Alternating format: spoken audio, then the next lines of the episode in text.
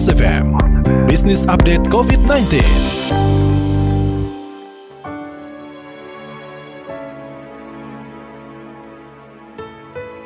Mitra bisnis, COVID-19 memporak-porandakan tatanan bisnis yang ada. Selain kesehatan, dampak terhadap ekonomi dan kehidupan sosial bermasyarakat berubah drastis. Pelaku usaha mengencangkan ikat pinggang, bahkan menghadapi dilema PHK atau tidak untuk bertahan hidup. Di saat yang sama, pengusaha juga dituntut berinovasi cepat merubah bisnis model untuk seirama dengan ekspektasi pasar.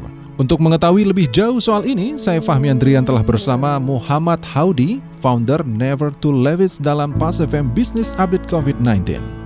Pak Haudi, bagaimana situasi bisnis kreatif saat pandemi ini, Pak? Sebetulnya kita ini kan mulai merasakan pandemi ini mungkin sekitar awal-awal Maret ya. Maksudnya udah mulai ada aturan-aturan baru dan seterusnya gitu. Jadi saya waktu itu agak khawatir dengan dunia kreatif maupun bisnis yang ada di dalam dunia dunia kreatif ini gitu ya. Jadi saya pikir kita mesti siap-siap uh, in case uh, misalkan ada prioritas-prioritas yang tadinya mungkin bisa memanfaatkan jasa kita menjadi tidak menjadi prioritas lagi gitu kan. Tapi kebetulan saya juga uh, alhamdulillahnya gitu ya uh, kalau bicara soal dampaknya terhadap dunia kreatif yang terutama yang saya uh, lakukan sekarang gitu ya tidak terlalu terdampak sih Pak yang saya perhatikan gitu ya. Kalau kita bicara permintaan terus kemudian customer engagement segala macam memang turun kalau year on year gitu ya. Uh, tapi kalau secara akumulasi kalau kalau kita bicara customer reguler datang gitu atau bukan datang maksudnya special atau private commissioning ke kita itu memang turun mungkin antara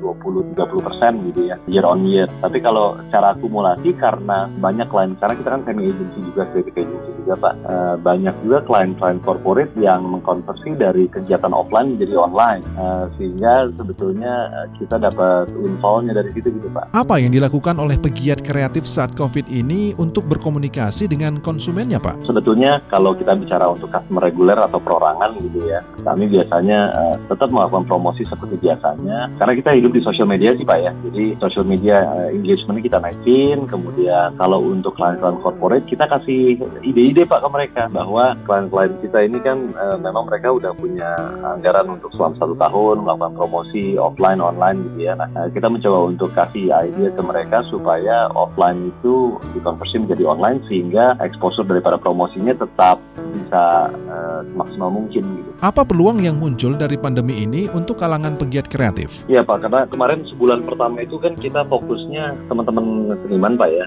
kita fokusnya untuk membantu uh, pemerintah pada khususnya mengatasi pandemi ini gitu ya. Kita tahu kan banyak banyak tenaga kesehatan yang uh, kekurangan alat proteksi khususnya. Jadi kemarin kita bersama teman-teman seniman melakukan fundraising untuk donasi Pak.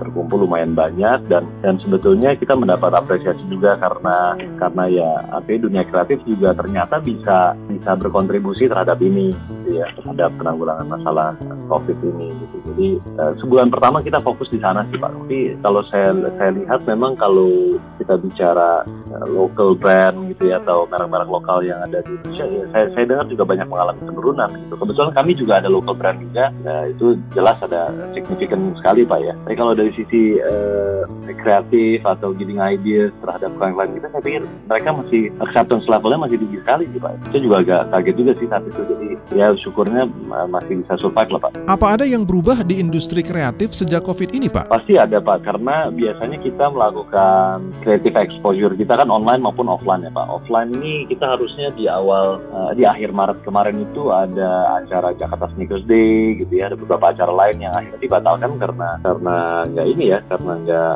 nggak dimungkinkan. Itu satu. Yang kedua uh, ada beberapa launching atau rilisan kita yang uh, terpaksa harus ditunda karena memang hanya bisa dirilis pada saat offline uh, acara-acara offline. Jadi uh, itu yang membuat kita agak uh, tertunda beberapa proyek kita lah Pak. Nah sejak wabah ini disebut telah terjadi the new normal di mana orang WFH, belanja online, dan meeting online. Bagaimana perasaan Bapak mengenai the new normal ini? Nah, nomor satu semenjak bulan Maret kemarin memang uh, workshop kami nggak menerima tamu dulu gitu ya karena karena kebetulan seniman-seniman yang ada di Nevertel Live semuanya tinggal di workshop pak gitu kan uh, jadi itu juga jadi kayak rumahnya mereka gitu sehingga saya coba batasin dan tidak menerima tamu sampai hari ini sudah tiga bulan lebih Pak. Sebetulnya begini, sebetulnya perubahan itu mungkin kalau kita meeting atau kemudian pertemuan itu melalui online gitu ya. Awalnya saya pikir nggak agak sulit ya. Uh, saya pikir agak sulit untuk melakukan itu karena diskusi itu paling lewat paling enak kan langsung Pak ya. Tapi ternyata karena ya kita dan orang yang kita ajak meeting itu